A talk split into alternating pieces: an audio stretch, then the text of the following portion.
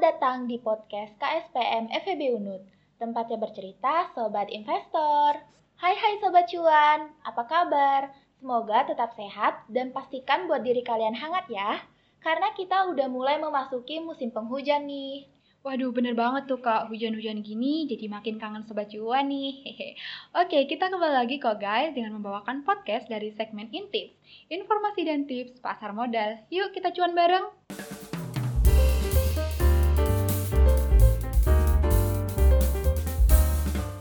Nah, agar kita dan Sobat Cuan makin dekat dan hangat, kenalan dulu yuk.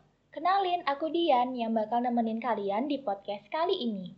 Eits, tapi aku nggak sendirian kok, karena bakal ada cewek cantik yang nemenin aku juga nih. Senggol dulu dong. Eh, Kak Dian bisa aja deh jadi malu. Kenalin, aku Fatima, biasa dipanggil Ima, yang akan menemani malam minggu kalian. Oke, kenalan udah nih. Sekarang kita akan langsung masuk aja deh ke materi podcast kali ini. Hmm, kira-kira bakalan bahas apa aja ya Imah? Imah tahu nggak? Tahu dong kak, kali ini kita akan membahas sampai tuntas mengenai investasi saham syariah. Jadi kita akan berfokus mengenai apa sih efek atau saham syariah itu. Nah sebelum itu Sobat Juan udah pada tahu belum? Kalau pasar modal juga ada undang-undangnya loh. Nah, berdasarkan Undang-Undang Pasar Modal Nomor 8 Tahun 1995, pengertian efek yaitu suatu surat berharga yang mencakup surat pengakuan uang, obligasi, saham, surat berharga komersial, surat pengakuan utang, tanda bukti utang, dan unit penyertaan. Tapi ya Imah, di sisi lain berdasarkan POJK 15 garis miring POJK titik 4 garis miring 2015, dikatakan kalau penerapan prinsip syariah di pasar modal, efeknya adalah seperti yang sudah dijelaskan pada Undang-Undang Pasar Modal, serta pengaturan pelaksanaannya juga ada pembagiannya loh, yaitu yang pertama, dilakukan dengan akad, cara pengelolaan dan juga kegiatan usaha. Yang kedua, aset memiliki landasan akad, cara pengelolaan dan disertai kegiatan bisnis. Dan yang terakhir, aset tidak bertentangan dengan prinsip syariah yang sudah ada di pasar modal. Wah, aku baru tahu itu loh, Kak. Jadi bisa ditarik kesimpulan bahwa efek atau saham syariah adalah surat berharga yang memiliki prinsip-prinsip syariah di pasar modal. Nah, efek ini bisa berbentuk reksadana syariah, saham syariah, dan suku atau bahkan beberapa efek derivatif lainnya. Walaupun penerapannya menggunakan prinsip syariah, tapi saham syariah akan masuk ke dalam daftar online trading konvensional. Dan pada SOTS atau sistem online trading syariah, setiap transaksi akan tetap dibatasi pada seluruh efek syariah nih loh Sobat Cuan. Waduh, nggak diperkenankan untuk melakukan berbagai kegiatan transaksi deh jadinya. Haduh-haduh, setiap hal pasti ada positif dan negatifnya ya Imah. Di sini aku juga mau infoin ke Sobat Cuan nih, kalau efek syariah juga ada daftarnya loh. Nah, daftar efek syariah atau DES adalah deretan efek yang memiliki prinsip syariah di pasar modal. Jadi, DES ini diterbitkan oleh Bapepam LK dan akhirnya dibagi menjadi dua. Ada DES periodik dan DES insidentil. Nah, sekarang aku mau tanya nih ke Imah. Kamu udah tahu belum perbedaan kedua DES tersebut? Tahu dong pastinya Kak. Jadi, DES periodik itu merupakan DES yang dikeluarkan secara berkala pada akhir bulan Mei dan bulan November setiap tahunnya. Nah, terus kalau DES insidentil adalah DES yang mana penerbitannya tidak dilakukan secara berkala. Betul nggak sih Kak? Widih, pinter juga nih Mah. Kita lanjut yuk Sobat Cuan. Nah, Sobat Cuan yang lagi dengerin kita, udah pada punya pacar belum sih? Atau masih jomblo?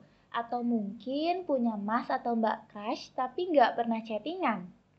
Sobat cuan, pastinya punya kriteria tersendiri kan untuk memilih pacar nantinya. Eh kak, apa hubungannya pacaran sama saham syariah nih? Kita balik ke materi yuk, biar Sobat Cuan nggak ngerasa di PHP ini sama kita kak. Maaf-maaf, bercanda dikit ya guys, biar suasananya cair dikit. Tadi udah dikasih materi yang lumayan banyak nih soalnya. Jadi gini, Nggak cuma kita aja yang punya kriteria calon pacar loh Sobat Cuan, tapi saham syariah juga punya. Kira-kira apa aja sih kriteria-kriteria saham syariah itu? Jadi, kriteria-kriterianya ada seluruh produk, jasa, jenis bisnis, hingga akad, serta pengelolaannya memiliki prinsip syariah. Betul nggak, Kak? Pokoknya, kegiatan bisnis perusahaan juga tidak bertentangan dengan prinsip syariah itu sendiri. Yap, betul banget nih Imah. Oh iya, aku tambahin dikit lagi ya. Maksud dari tidak bertentangan dengan prinsip syariah itu adalah judi, riba, menjual minuman keras, dan lainnya deh. Kemudian, perusahaan emiten maupun publik juga harus menandatangani dan menjalankan ketentuan akad yang harus sesuai dengan prinsip syariah atas semua saham yang diterbitkannya. Terus, apalagi ya? Hmm, oh iya, perusahaan emiten atau publik itu juga harus memberikan jaminan bahwa kegiatan bisnisnya telah mematuhi berbagai prinsip syariah dan mempunyai yang namanya Syariah Compliance Officer atau Dewan Pengawas Syariah. Kira-kira ada yang kurang lagi nggak ya kriterianya, Imah? Lagi satu nih Kak Dian, kalau di masa depan perusahaan nggak bisa memenuhi seluruh persyaratan tersebut, maka saham yang diterbitkan menjadi efek non-syariah. Itu aja yang ketinggalan sih Kak. Hehe, lanjut lagi yuk Sobat Cuan. Pastiin kalau kita kupas tuntas topik bahasan kali ini. Nah Sobat Cuan, syariah juga punya produknya sendiri loh. Aku dan Ima akan spill masing-masing tiga dari produk-produk syariah ya. Yuk Imah, kamu duluan deh. Oke, jadi kesimpulannya terdapat 6 produk syariah ya guys. Yang pertama tentunya ada saham syariah yang saat ini kita bahas Sobat Cuan. Definisi juga sudah kita bahas tadi kan di atas. Kemudian ada suku. Nah, suku itu merupakan efek yang memiliki bentuk sekuritas aset yang telah memenuhi prinsip syariah di pasar modal. Berdasarkan penerbitnya, suku terdiri dari suku negara dan juga suku korporasi. Terus ada reksadana syariah. Jadi, reksadana syariah juga bisa dinilai sudah memiliki prinsip syariah di pasar modal. Kalau misalnya cara pengelolaan akad portofolio tidak bertentangan dengan prinsip-prinsip syariah loh guys. Nah, di garis bawah ya Sobat Cuan, giliran kalian nih sekarang. Oke, giliran aku ya. Yang keempat ada Exchange Trade Fund Syariah atau disingkat ETF. ETF syariah ini merupakan salah satu jenis reksadana yang sudah memenuhi prinsip-prinsip syariah. Nah, unit penyertaannya akan dicatat di dalam bursa efek, sehingga investor yang melakukan kegiatan jual beli ETF syariah ini harus melalui bursa yang mempunyai syariah online trading system. Yang kelima ada efek beragun aset yang disingkat EBA syariah. Jadi EBA syariah ini dikeluarkan oleh pasar modal Indonesia yang terbagi menjadi dua. Ada EBA syariah dalam bentuk kontrak investasi koleksi antar pihak manajemen investasi bank kustodian dan ada EBA syariah dalam bentuk syarat partisipasi. Nah, sudah semua nih Sobat Cuan. Wait, wait, wait. Masih ketinggalan lagi satu nih, Kak. Jangan sampai Sobat Cuan ngerasa kecewa loh, Kak. Oh iya, aduh, lupa-lupa, maaf ya. Yang terakhir nih, ada DIRE atau Dana Investasi Real Estate Syariah. Maka dari itu, lunas sudah ya produk-produk syariah yang kita bahas. Yuk sekarang kita move on ke pembahasan selanjutnya. Sobat Cuan sudah mengetahui kan apa-apa saja yang ada di dalam investasi pasar modal syariah. Tentunya kita juga harus mengingat bahwa masih banyak banget nih di luar sana yang masih salah kaprah memahami investasi saham khususnya berbasis syariah. Nah, nah, dengan kata lain, investasi saham yang berbasis syariah masih tabu ya, gengs. Eits, tapi tenang aja Sobat Cuan. Sekarang kita akan membahas tips-tips sesuai janji kita di awal. Nah, tips-tips yang akan diberikan tentunya nggak kalah menarik nih dari tips investasi lainnya. Sekarang kita akan membahas tuntas tips berinvestasi saham syariah untuk pemula. Tentu hal pertama yang Sobat Cuan lakukan yaitu pilihlah perusahaan sekuritas berbasis syariah dan sudah terdaftar serta diawasi oleh OJK ya gengs. Kemudian lakukanlah analisis saham syariah sebelum berinvestasi. Lalu Sobat Cuan sudah dapat memulai dari modal kecil guna untuk meminimalisir kerugian. Dan yang terakhir, Sobat cuan yang ingin menjadi calon investor saham syariah harus memahami aturan investasi saham syariah itu sendiri ya. Jangan sampai salah lo ya, gengs. Wah, makasih ya Ima sudah maparin semua tipsnya. Sobat cuan tahu nggak kalau saham syariah juga ada kriteria dari OJK-nya loh? Untuk saat ini, kriteria seleksi saham syariah ada dua guys. Yang pertama, emiten tidak melakukan kegiatan usaha seperti perjudian, permainan yang masih tergolong judi, dan perdagangan yang dilarang menurut syariah yaitu perdagangan yang tidak disertai dengan penyerahan barang atau jasa, perdagangan dengan penawaran atau permintaan palsu, perusahaan pembiayaan berbasis bunga, barang atau jasa yang haram zatnya maupun barang atau jasa haram bukan karena zatnya. Wah, udah mulai panas topik kita nih Ima. Iya nih kak, emang cocok deh bahas topik ini di musim penghujan. Bikin kepala makin hot, makin hangat-hangat gitu. oke oke, aku lanjutin ya. Kriteria saham syariah dari OJK selanjutnya yaitu emiten harus memenuhi rasio-rasio keuangan, seperti total utang yang berbasis bunga dibandingkan dengan total aset tidak lebih dari 45%, dan total pendapatan bunga dan pendapatan tidak halal lainnya dibandingkan dengan total pendapatan usaha dan pendapatan lain-lain tidak boleh lebih dari 10%. Wow, bagi banget gak sih? Sobat Cuan, gimana nih? Udah mulai terasa hotnya belum bahasan kita kali ini? Yuk, bisa yuk Sobat Cuan, materi kita lagi dikit aja nih. Pindah ke pembahasan baru ya.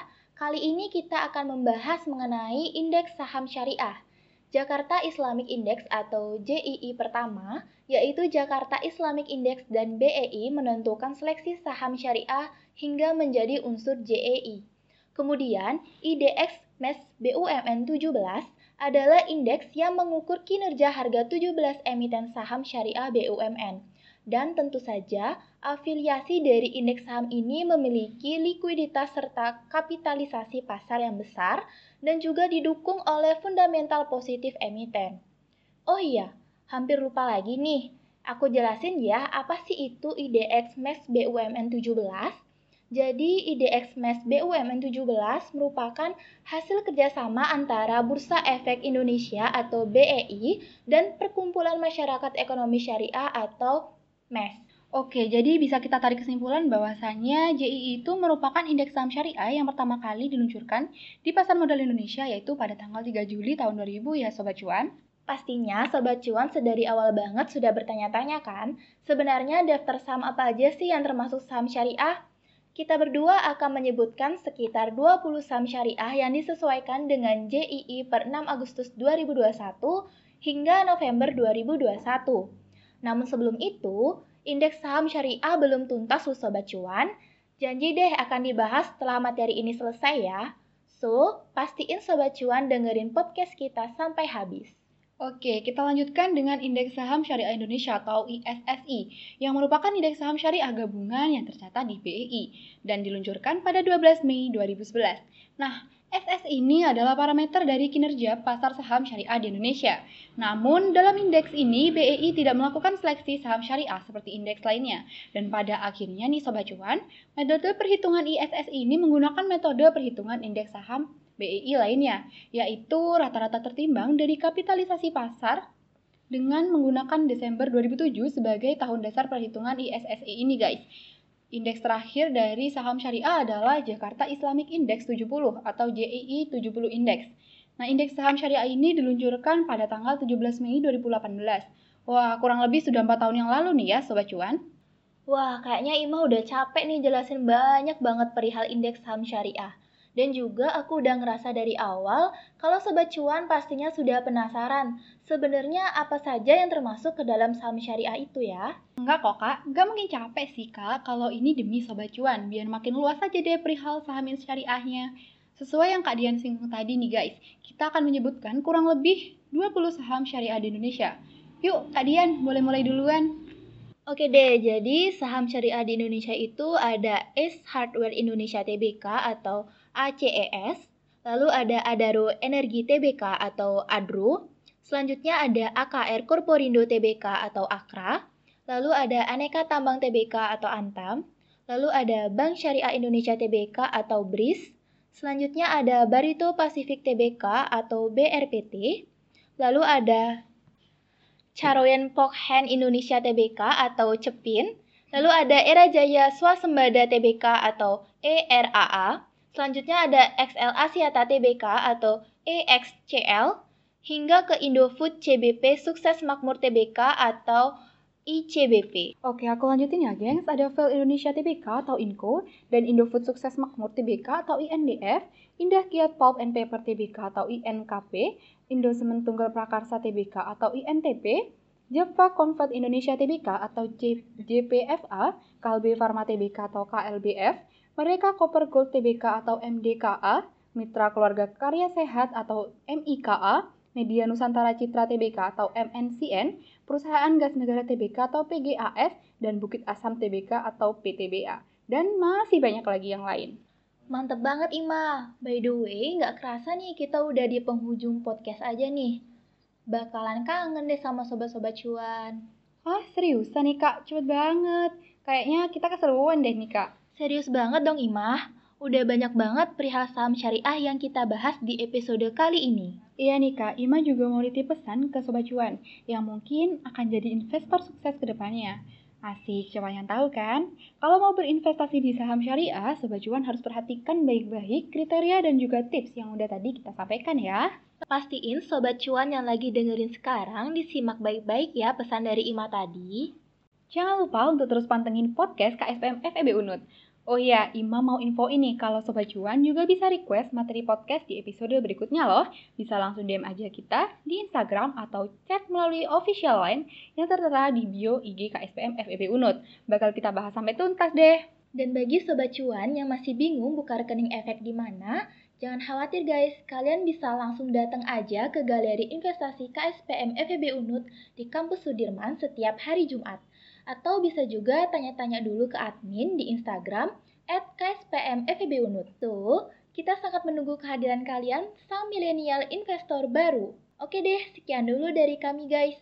Makasih banyak ya karena udah dengerin podcast kita sampai akhir. Aku dan Imah pamit undur diri.